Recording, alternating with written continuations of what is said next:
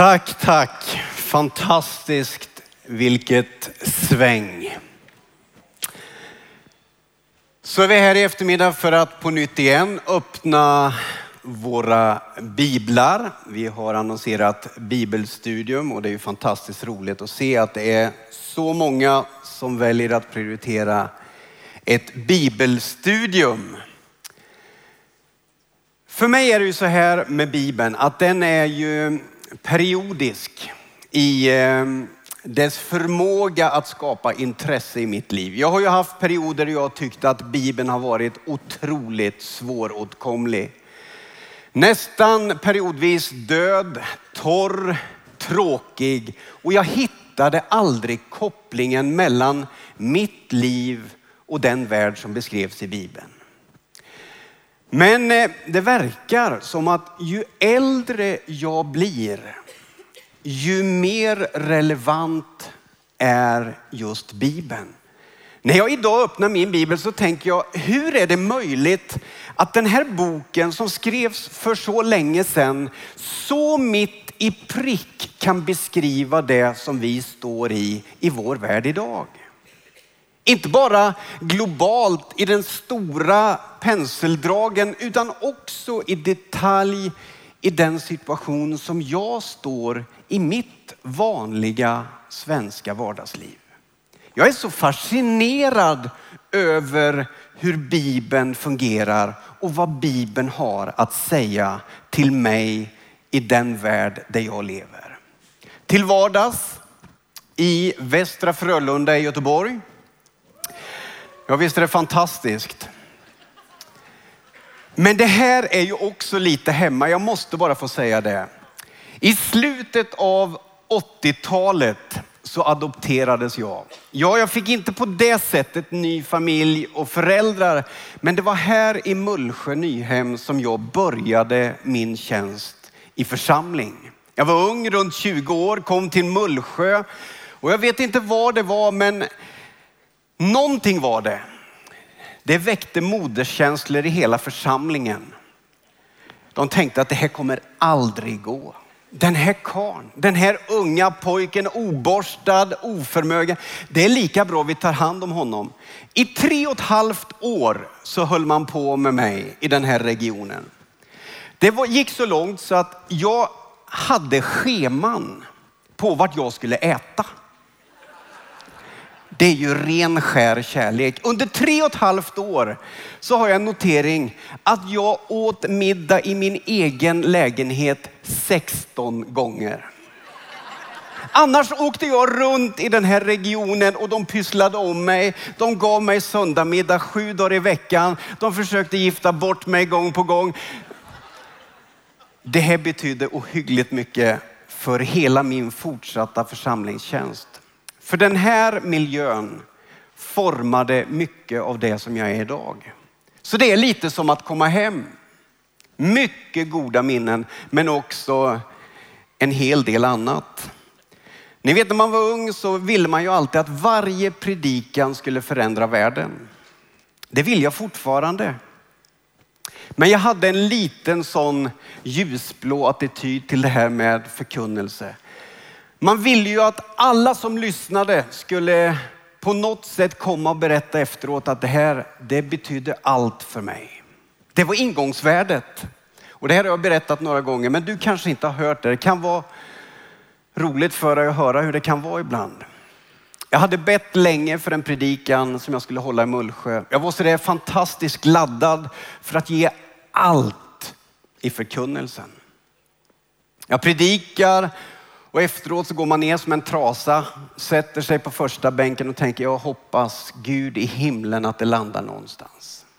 Efteråt så är det en man som vinkar och jag tänker han kanske har någon fråga på det jag har sagt. Så jag går dit med förväntan, ung, ivrig och säger du under din predikan så har jag funderat på en sak. Yes. Det är ju min bön. Det är som så här.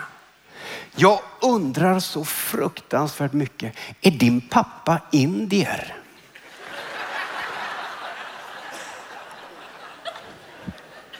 Jag sjönk genom jorden. är min pappa indier? Här har jag förkunnat och vänt ut och in på mitt hjärta och talat Guds ord. Sitter du och funderar på min pappa indier? Jag lämnade det och sa bara, nej, han är värmlänning.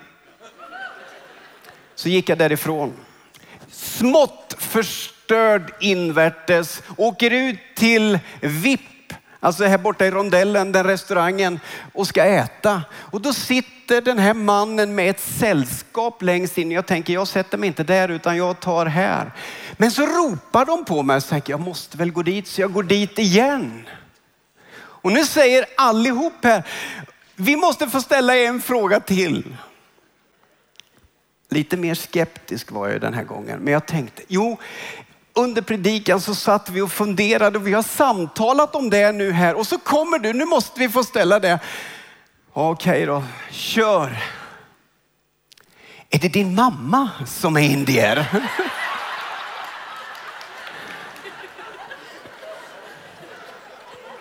Man var inte sugen på att predika på ett tag. Nu har ju jag lärt mig att under tiden som jag predikar så är det ju till och med så här att att Herren själv kan hålla en annan predikan samtidigt. Och jag tar inte illa vid mig utan jag tänker så fantastisk är Gud. Han kan ta något ord i texten man läser. Jag förkunnar och han talar också på ett annat sätt till någon. Det finns många sätt för Gud att tala och det hör också till vår miljö. Därför när jag läser bibelordet idag så klart vill jag att du lyssnar på vad jag har att säga och vad jag tror också Gud har att säga genom mig. Men den helige ande är så fantastisk att han kan tala direkt till dig. Och då får du lämna mina ord och lyssna vaket på vad Gud säger till dig. Nu skulle jag vilja be en bön tillsammans med dig innan vi öppnar vår bibel. Och vi ska tala om dagens tema. Det handlar ju om Jesus den här nyhemsveckan som alla nyhemsveckor. Och dagens tema är ju det som Jesus säger, jag är livets bröd. Men låt oss knäppa händerna. Herre, så tackar jag dig för att vi får vara samlade här idag. För att öppna denna heliga skrift. För att öppna den bok som du har gett oss så rik på kunskap, information och liv. Och nu ber jag heligande att du skulle komma oss nära den här eftermiddagen. Jag ber att du skulle öppna våra ögon. Du skulle göra vår hörsel lyhörd så att vi får höra din röst. Och jag ber som alltid, Herre, styr mina tankar, led min tunga så att jag får tala på ett sådant sätt så att det blir till nytta för dem som lyssnar. Tack Herre för att du är här. I Jesu namn. Amen. Vi går till Johannes evangeliet, det sjätte kapitlet.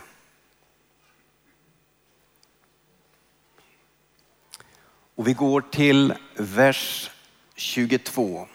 Och så ska vi läsa till vers 40. Johannes evangelium kapitel 6 och ifrån vers 22. Nästa dag upptäckte folkmassan som var kvar på andra sidan sjön att det bara hade funnits en enda båt där och att Jesus inte hade följt med sina lärjungar i den utan hade gett, de hade gett sig av ensamma. Men det kom andra båtar från Tiberias och lade till nära platsen där man hade ätit brödet. Det som Herren hade läst tacksägelsen över. När folket nu upptäckte att Jesus inte var där och inte heller hans lärjungar steg de i båtarna och for över till Kafarnaum för att leta efter Jesus. De fann honom där på andra sidan sjön och de frågade honom, Rabbi, när kom du hit? Jesus han svarade, sannerligen, jag säger er, Ni söker inte efter mig därför att ni har fått se tecken, utan därför att ni åt av bröden och blev mätta. Arbeta inte för den föda som är förgänglig, utan för den föda som består och skänker evigt liv och som Människosonen ska ge er. Ty på honom har Fadern Gud själv satt sitt sigill. De frågade då, vad ska vi göra för att utföra Guds verk? Jesus svarade, detta är Guds verk. Att ni tror på honom som han har sänt. Då sa de, vilket tecken vill du göra så att vi kan se det och tro på dig? Vad kan du utföra? Våra fäder åt manna i öknen så som det står skrivet. Han gav dem bröd från himlen att äta. Jesus svarade, sannerligen, jag säger er, Mose gav er inte bröd från himlen, men min fader ger er det sanna brödet från himlen. Guds bröd är det. Det bröd som kommer ner från himlen och ger världen liv. De bad honom då, Herre, ge oss alltid det brödet. Jesus svarade, jag är livets bröd. Det som kom, den som kommer till mig ska aldrig hungra och den som tror på mig ska aldrig någonsin törsta. Men som jag har sagt er, ni har sett mig och tror ändå inte. Alla som Fadern ger mig skall komma till mig och den som kommer till mig skall jag inte visa bort. Ty jag har inte kommit ner från himlen för att göra vad jag själv vill utan för att göra hans vilja som har sänt mig. Och detta är hans vilja som har sänt mig att jag inte ska låta någon gå förlorad av dem som han har gett mig utan låta dem uppstå på den sista dagen. Ty detta är min faders vilja, att alla som ser sonen och tror på honom ska ha evigt liv och jag ska låta dem uppstå på den sista dagen. Du kastas in i ett sammanhang där Jesus har varit i full gång. Det stora brödundret har just ägt rum där Jesus frågar om han kan få mätta alla de som har kommit. Han har engagerat sina lärjungar och han har sagt att vi ska ge dem som här har kommit och lyssnat på mig mat. Och lärjungarna de har genomgått den här mänskliga krisen och frustrationen över att de inte förstår vad han menar. För det fanns inget snabbköp i närheten och det enda de hade var en liten pojk med en massäck med fem bröd och två fiskar.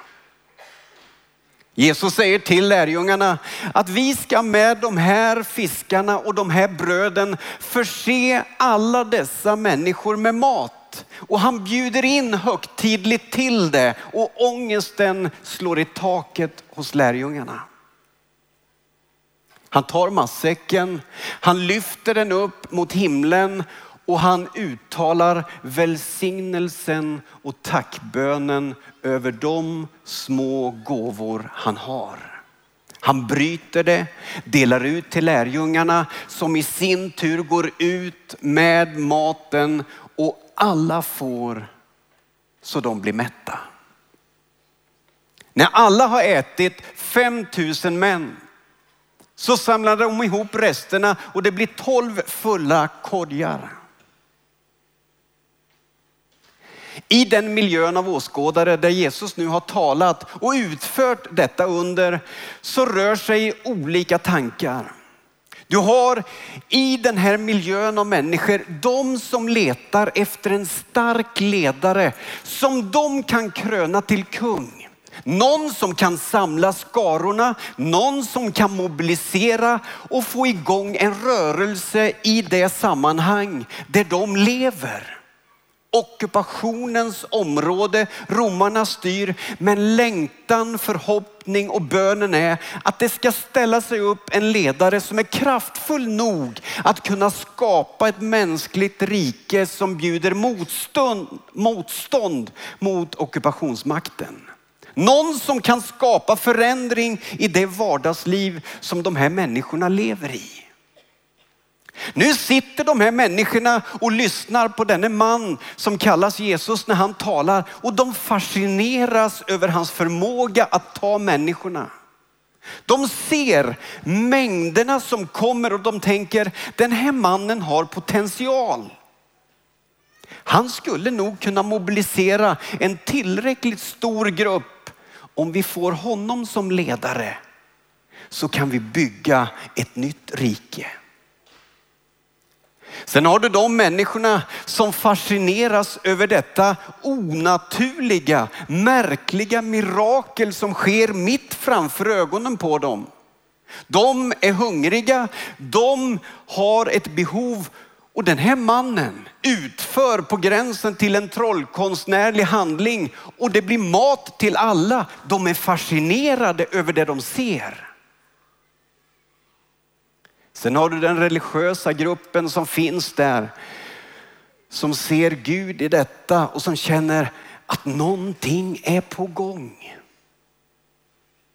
Allt detta rör sig i den här miljön. Och den här morgonen så vaknar man upp och så noterar man att det fanns ju bara en båt på stranden. Lärjungarna gav sig iväg i den båten, men Jesus var inte med och nu är han också borta, troligtvis på andra sidan. Det kommer andra båtar säger texten och man ger sig över sjön för att leta efter Jesus. Man hittar honom och man hittar lärjungarna. Och nu börjar ett samtal som ju kan verka väldigt märkligt. Och så är det i Johannesevangeliet. Så är det ofta. Någon ställer frågor och Jesus svarar, men ibland förstår man inte om han är otrevlig eller om han inte hör eller om han bara är lite egendomlig. De ställer ju, tycker jag, en hövlig fråga. Men när man tänker lite om vad som rör sig runt omkring så kanske det finns andra motiv till att de ställer den fråga de gör.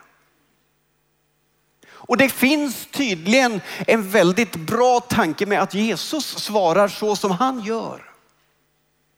Och för dig som bibelläsare och för mig som bibelläsare så vet ju vi att Johannes som skriver Johannes evangeliet, han skriver Johannes evangeliet för att hela tiden försöka fånga läsarens uppmärksamhet och säga det finns sånt som kan vara intressant och viktigt men det finns alltid någonting som är extra viktigt och avgörande runt omkring Jesus. Och det är vem han är och vad som är syftet med att han kom. Nu har de hittat Jesus. I texten så formuleras den första frågan och man säger Rabbi, när kom du hit? Alltså det är en sån dubbelbottnad fråga. För å andra sidan misstänker vi att de vet att han på något märkligt sätt har tagit sig hit. Och nu finns alla de här funderingarna i bakhuvudet. Hur är det nu? Skulle du kunna förklara hur du har kommit hit, hur du utförde ännu ett av dessa märkliga mirakel? Vi har ju sett dig göra matundret. Vi har sett hur du har gett oss de liksom behov som vi har och du har fyllt dem på ett mästerligt sätt. Nu undrar vi, hur tog du dig hit exakt? Jesus han vet precis vad som rör sig i rummet. När de ställer frågan och så svarar han nästan lite arrogant, nästan lite otrevligt eller också helt briljant. Rabbi, när kom du hit? säger man. Jesus svarade Sannerligen, jag säger er Ni söker inte efter mig därför att ni har fått se ett tecken, utan därför att ni åt av bröden och blev mätta. Arbeta inte för den föda som är förgänglig utan för den föda som består och skänker evigt liv och som människosonen ska ge er. Motivet till att ni söker upp mig är ju vad Jesus tar upp. Motivet till att ni vill samtala med mig och föra dialog med mig är ju att ni har en agenda och ni vill att jag ska möta möta de behoven, de önskningarna på en mänsklig nivå. Och jag har en annan tanke. Ni söker mig för att ni var hungriga och ni fick mat som kortsiktigt hjälpte er i er livssituation. Ni söker upp mig för ni behöver en mänsklig ledare som är gudainspirerad och kan leda er in i det som ni har tänkt ut. Men jag säger er, säger Jesus, ni ska inte söka det som är kortsiktigt och som är förgängligt. Ni ska söka det som gör riktig skillnad. Ni ska söka svar på de frågor som är riktigt avgörande. Och vi vet ju vart Jesus är på väg. När Jesus undervisar så är det alltid in mot centrum.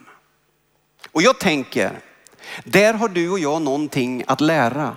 Varje gång vi samtalar eller ska försöka vinna en människa för evigheten så är det så lätt att man hamnar i perifera frågor som aldrig liksom tenderar att komma in till centrum. Jesus hade den där förmågan att ständigt komma in i de skarpa lägena där det handlar om de där livsavgörande frågorna. Man kan ju sitta och diskutera mirakel i oändlighet. För visst kittlar det lite att tala om andens gåvor och de under och tecken som sker och alla dessa andliga rörelser som är igång. Och vi fascineras än idag av detta. Men det är inte det som är poängen. Jesus drar in fokuset och han säger, ni söker mig med fel grund. De lyssnar och nu kommer nästa formulering och fråga i texten. Okej, okay. vad ska vi då göra för att göra Guds verk? Vad är det för fråga? Kanske har de sett kraften i Jesu förkunnelse. Kanske har de sett hans förmåga att samla folk. De har sett vad han kan utföra och nu vet de också vad lagen säger, vad som krävs för att man ska nå förlåtelsen. Och så säger de, Herre, vad ska vi göra för att utföra Guds verk? Jesus vet fortfarande att i tanken är de felprogrammerade. De har inte knäckt koden, de har inte förstått vad det handlar om. De vet inte när livet tar sin början, utan de försöker sig närma livet med Gud på fel sätt. De vill åt kraften, de vill åt rörelsen, men de vet inte hur de tar sig in. Hur ska vi göra för att utföra Guds verk? Hur ska vi göra för att få del av det liv som Gud har, den kraft som finns tillgänglig för oss för vårat liv?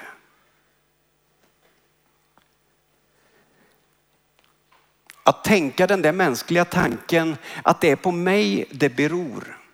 Det är lätt. Vad är det jag ska göra för att Guds kraft ska bli tillgänglig i mitt liv? Vad är det jag kan göra för att Gud och sin kraft ska bli frisläppt? Vad är det jag ska göra för att komma åt det eviga livet, för att få förlåtelse och gemenskap med Gud? Det här upptar alla religioner. Och alla religioner har svar på den här frågan och den bygger allt som oftast på mänsklig förmåga. Tiopunktsprogram eller handlingsplaner som du och jag på mänsklig väg ska utföra för att om möjligt få del av det som Gud har. Vad ska vi göra?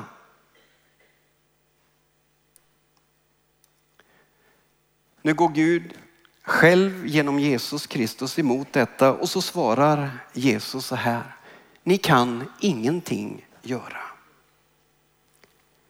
Detta är Guds verk. Att ni tror på honom som han har sänt. Det är där allting börjar.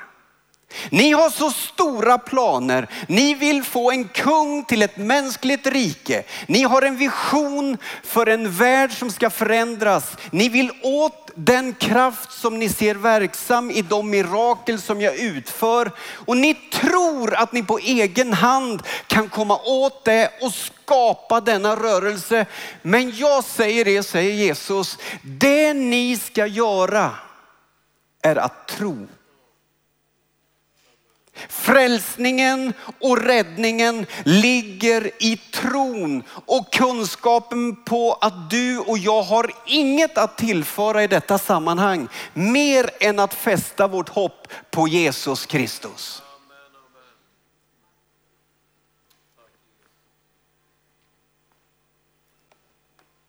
Ändå är det så svårt för oss att förstå detta. Jag tänker så här, ibland är det så fruktansvärt mycket mer svårt att komma in i en församling i vår tid än att det är att komma in i evigheten. På grund av denna enkla tankemöda som vi har, att vi tror fortfarande att det är på vår mänskliga förmåga som det beror. För först ska ju jag kunna Bibeln. Först ska jag ju kunna anpassa mig till denna frikyrkliga kultur. Först ska jag ju förändra mig innan jag kan få del av gemenskapen, livet tillsammans med Kristus. Till och med när jag blir sjuk så tänker jag tanken, jag kanske måste läsa min bibel lite mer innan jag ber en bön om helande. Jesus säger, ni kan lägga ner allt detta resonemang. Alla dessa frågor om vad ni ska göra. Vill ni göra Guds vilja, vill ni få del av detta liv så ska ni tro. Det är allt. Nu har vi ju många nysvenskar som kommer till vårt land. Och på olika sätt så har ju myndigheterna börjat få intresse i vår teologi i vår praxis.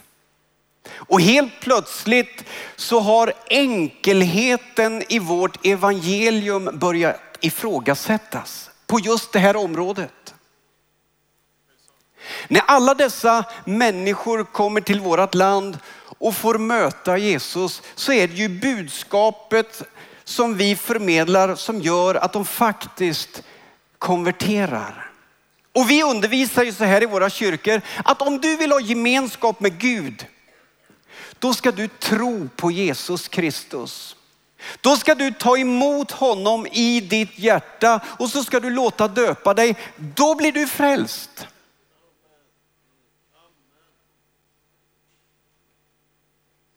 Ja, men eh, så snabbt får det inte gå. Så enkelt kan det ju inte vara. Nu har myndigheterna helt plötsligt satt lampan på det här och så börjar de ställa följdfrågor. När vi säger att en människa har konverterat, att vi har en nyfrälst människa så frågar de, hur ska vi kunna tro på det här? Var är bevisen för att detta är sant? Och så sitter jag i samtal med migrationsverkets personal, med advokater och andra och säger vi behöver intyg som stärker att de har gjort någonting. Jaha, vad då gjort någonting? Ja, du måste ju intyga att de går i kyrkan och har gjort det under en tid. Du måste ju intyga att de läser Bibeln och kan Bibeln rätt så bra. Att de kan svara på varför Augustinus är som han är och vad han lärde. Varför vi har olika kristna högtider. Och helt plötsligt så sitter jag och tänker, my God, jag undrar om jag är frälst.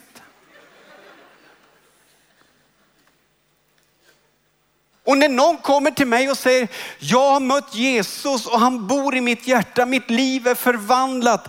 Kan du döpa mig? Så hör jag myndigheterna flåsa mig som pastor i nacken och jag tänker, vänta nu, vi kan inte döpa för fort, för det måste ju synas någonting i handling först som jag kan intyga.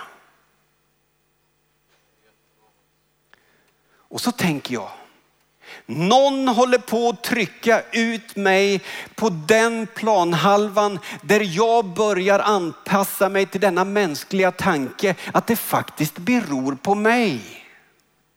Medan Bibeln ju faktiskt säger, om du i ditt hjärta tror och med din mun bekänner, då ska himmelens portar öppnas och livet ska ta sin plats i ditt bröst.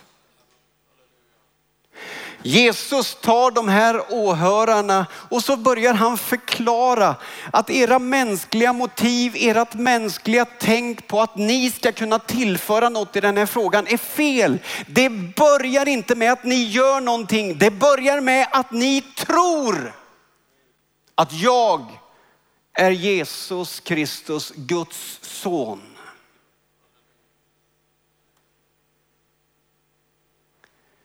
Jag kallas till Migrationsverket för förhör. Men eh, det visar sig att det blir ju någon form av light-version av alfakurs. Då de börjar ställa frågor, hur tänker ni i pingströrelsen? Ja, den frågan är ju inte lätt att svara på, får man ju börja med att säga då.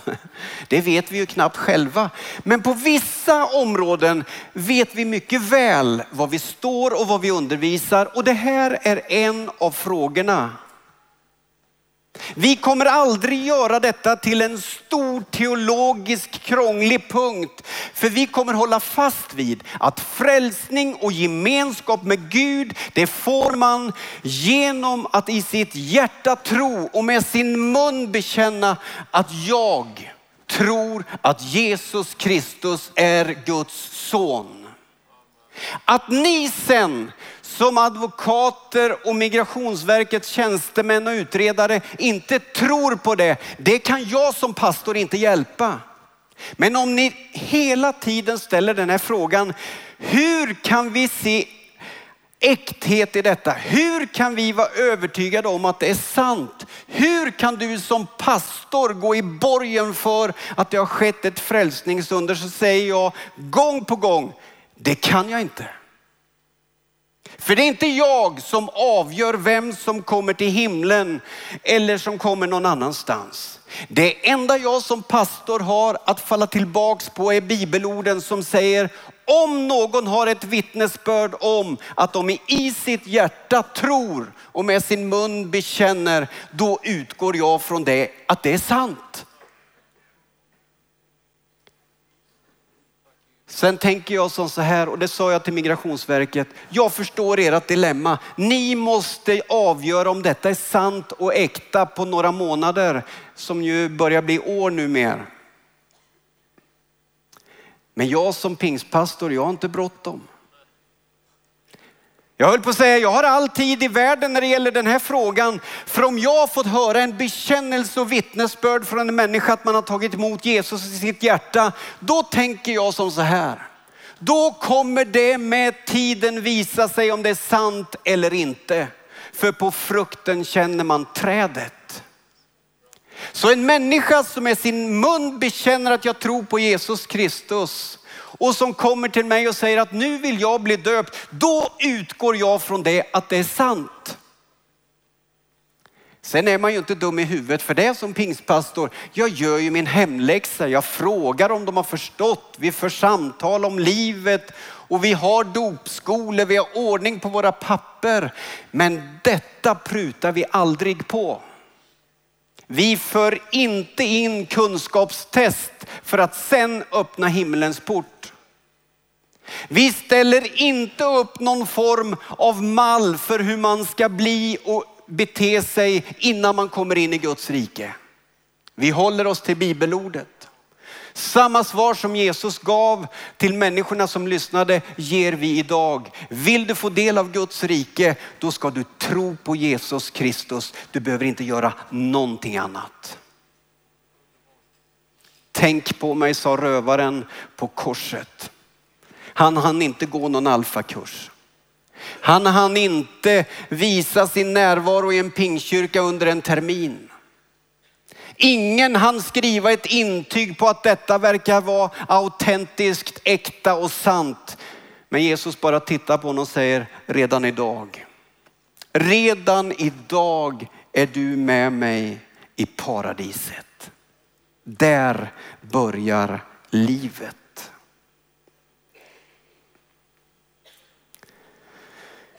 När det blir så enkelt, då får ju vi problem. Det får Migrationsverket också. Och så börjar man fundera. Och det gjorde de här människorna med. Det vore mycket enklare att tro om du kunde göra någon form av mirakel igen. Här har man sett 5000 få mat precis. Man har också starka misstankar om att Jesus faktiskt gick på vattnet. Men man har ändå mage att uttrycka sig som så här, jaha, för nu börjar man ju ana vart det här är på väg. Det vore mycket enklare för oss att tro om du kunde göra några tricks till. Du vet Mose såg ju till att vi fick bröd varje dag, åtminstone sex dagar i veckan under rätt lång tid. Där har du nivån. Kan du trumfa det? För honom tror vi på.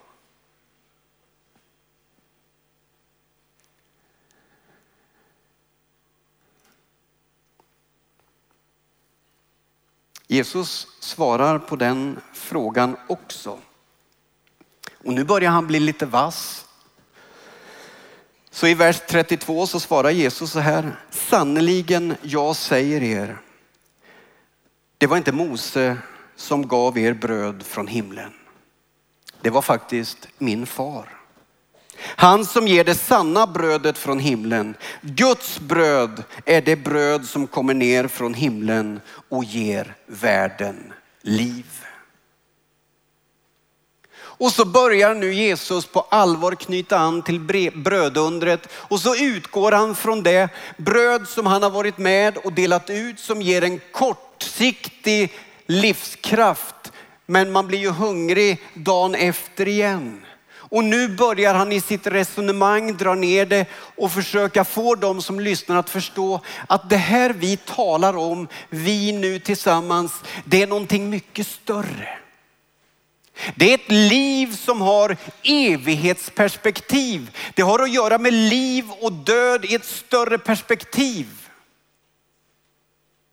Människor kan göra saker, andra kan göra saker, men det här brödet vi nu talar om, det är ett bröd som kommer från himlen. Det är ett bröd som är livsförvandlande.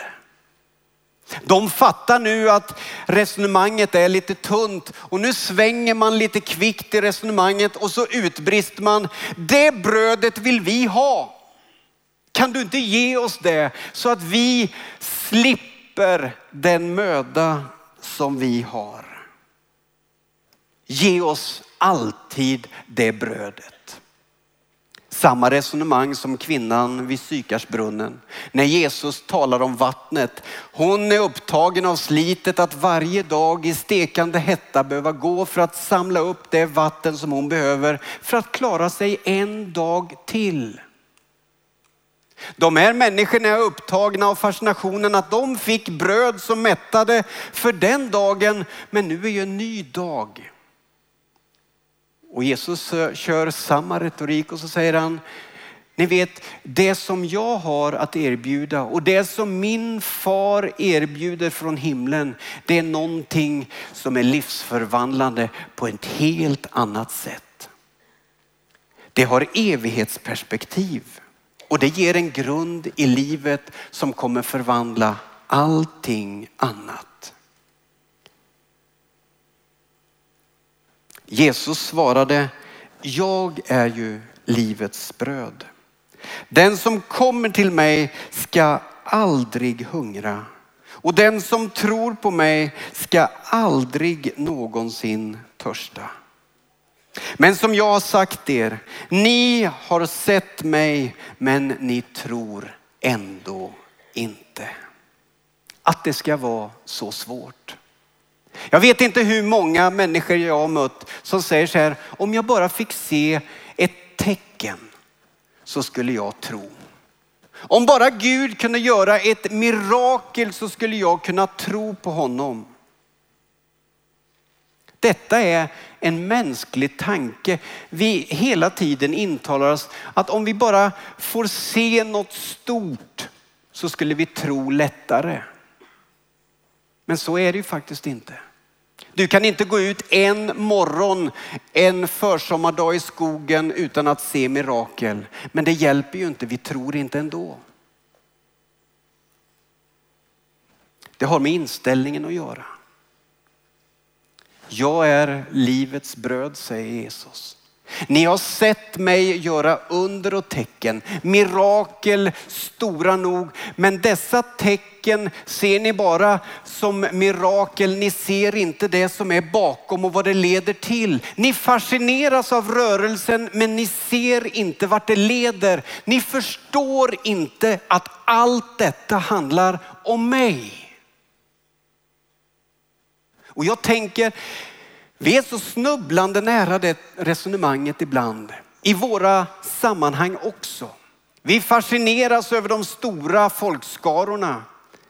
Av kultur, av olika typer av sammanhang och vi är så svältfödda på synliga mirakel så när något sker då rusar vi dit, vi blåser upp det och så blir det långa resonemang om dessa under. Eller om andens gåvor. Så att allt det handlar om är uttryckssättet och uttrycken. Men det leder liksom aldrig till det förvandlade mötet med Kristus. Ja, inte alltid att det är så, men det är en stor risk. Nu säger Jesus, jag är livets bröd. Kom till mig, tro på mig och livet ska förvandlas. Det handlar om Jesus i den här texten.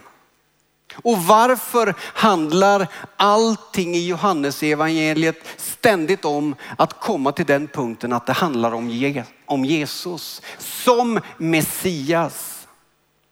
För att det är bara han som har fått detta uppdrag som den här världen så innerligt väl behöver. Det står ju nämligen så här i vers 38.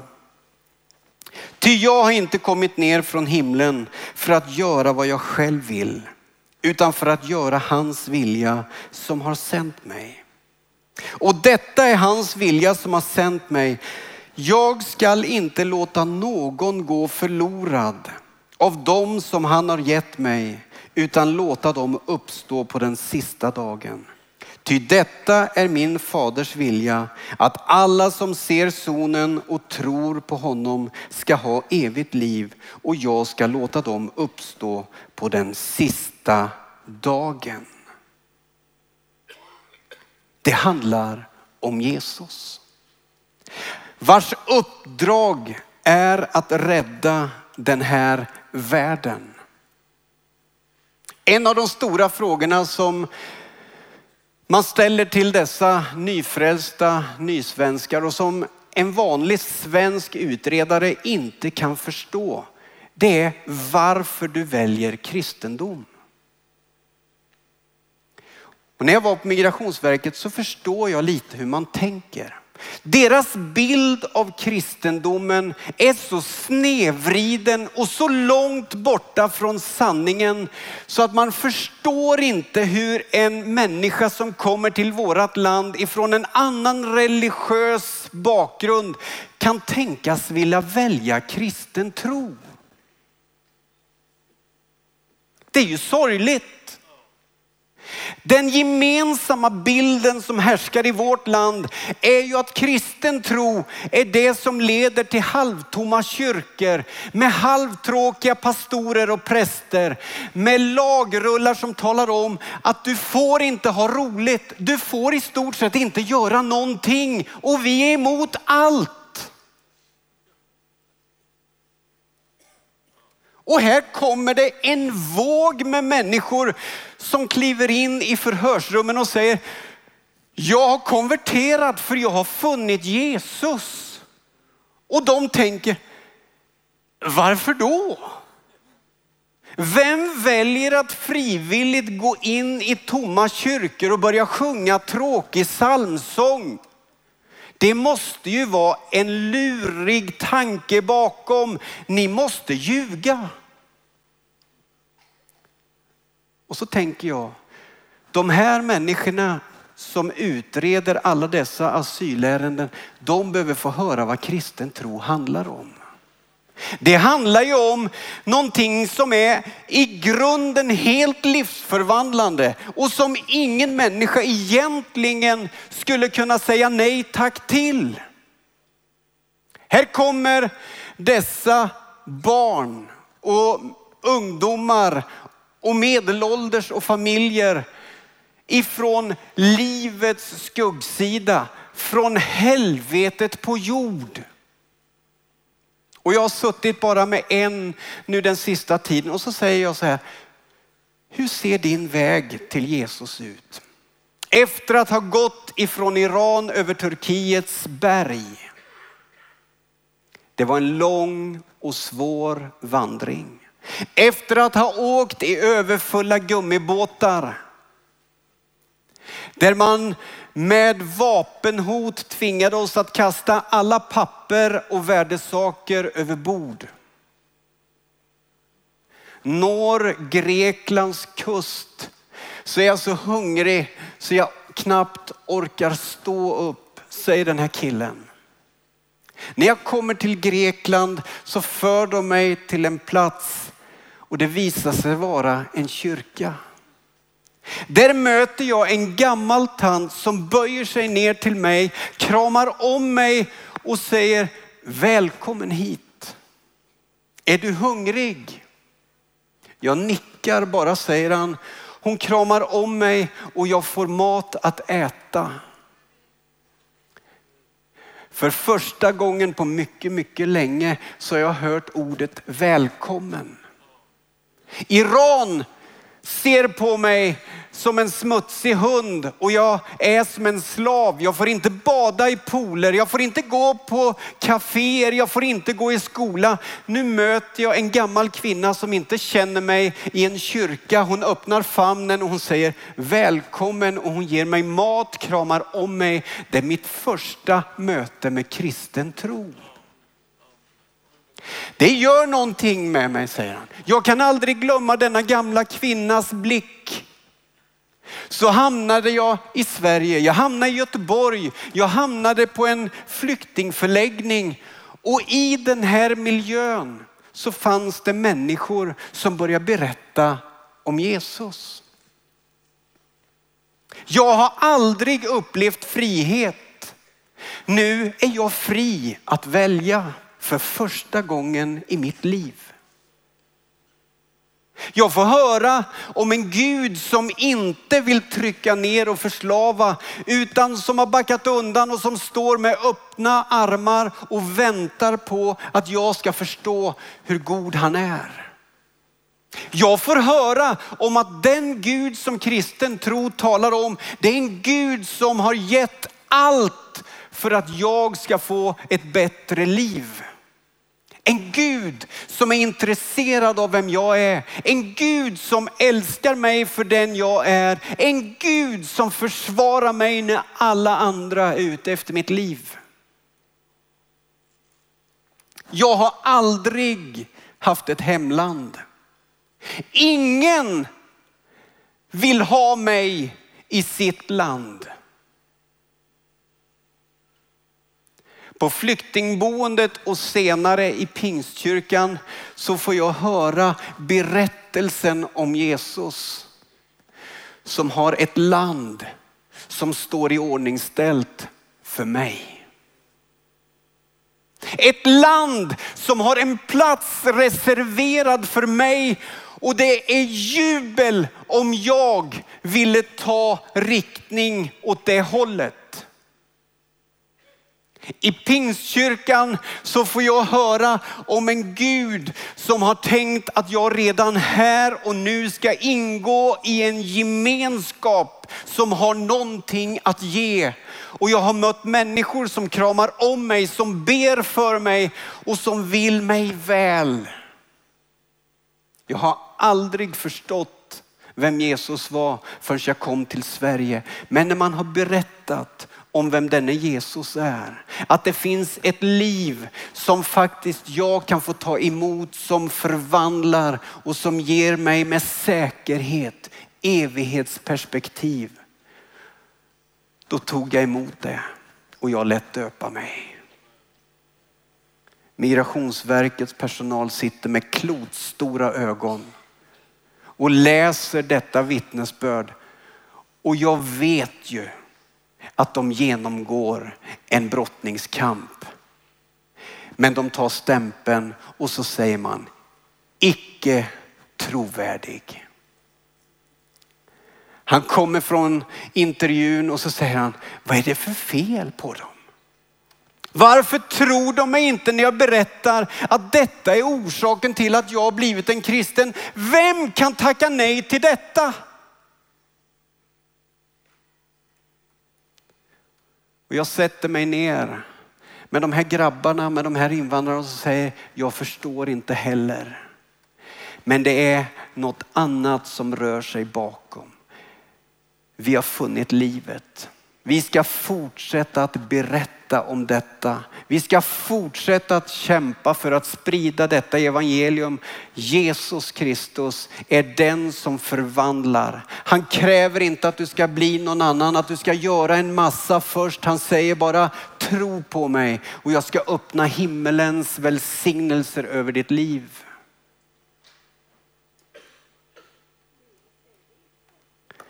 Jag ser vad detta gör med våran församling i Göteborg.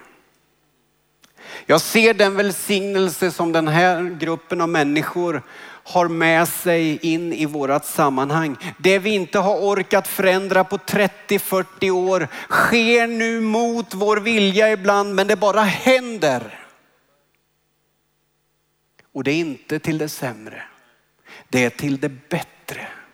För det finns en Gud som har en större tanke för våra liv, för våra församlingar. Och det här budskapet som Johannes försöker så in, det handlar om tro på en levande Jesus Kristus.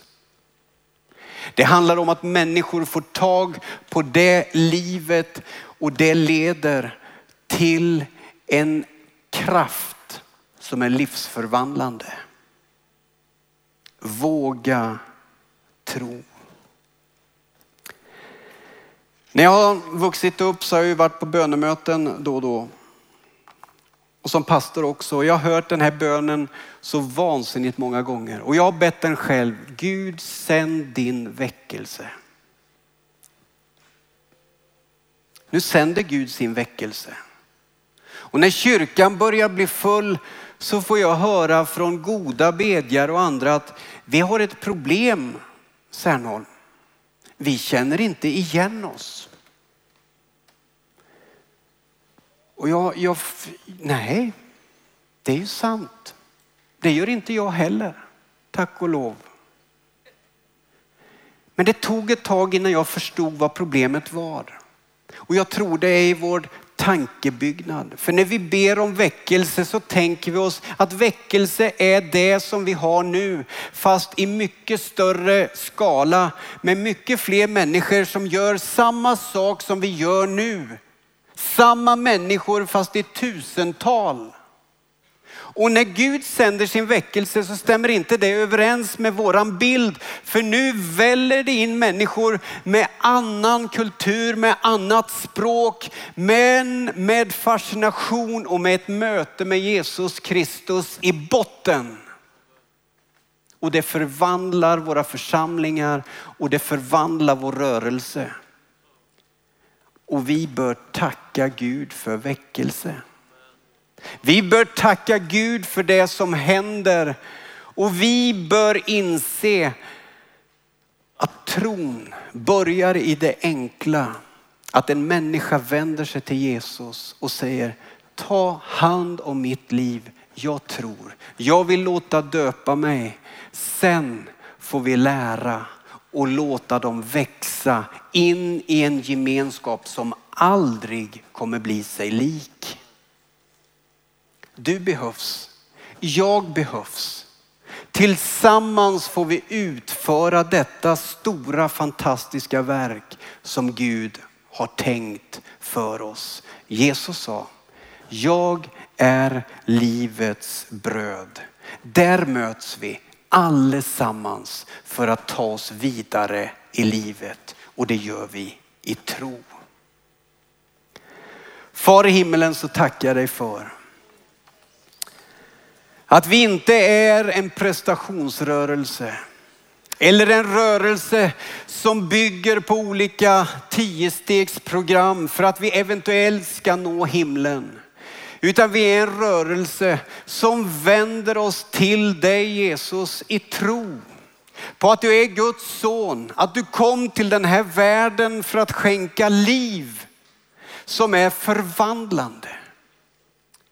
Herre, jag tackar dig för att du bor i mitt hjärta. Jag tackar dig för att du bor i så många människors hjärtan i vårt land idag. Och för varje dag som går så tas nya hjärtan in i din famn. Jag ber för vårt land och för den process som vi är inne i med alla dessa nysvenskar. Jag ber för migrationsverket. Jag ber att de skulle förstå och se vad det är som de här människorna har funnit. Jag ber att alla dessa hundratals och tusentals vittnesbörd skulle få spela roll för de som hör. Tack för att du har goda tankar för vårt land. Goda tankar för våra församlingar och goda tankar för våra liv. I Jesu namn. Amen.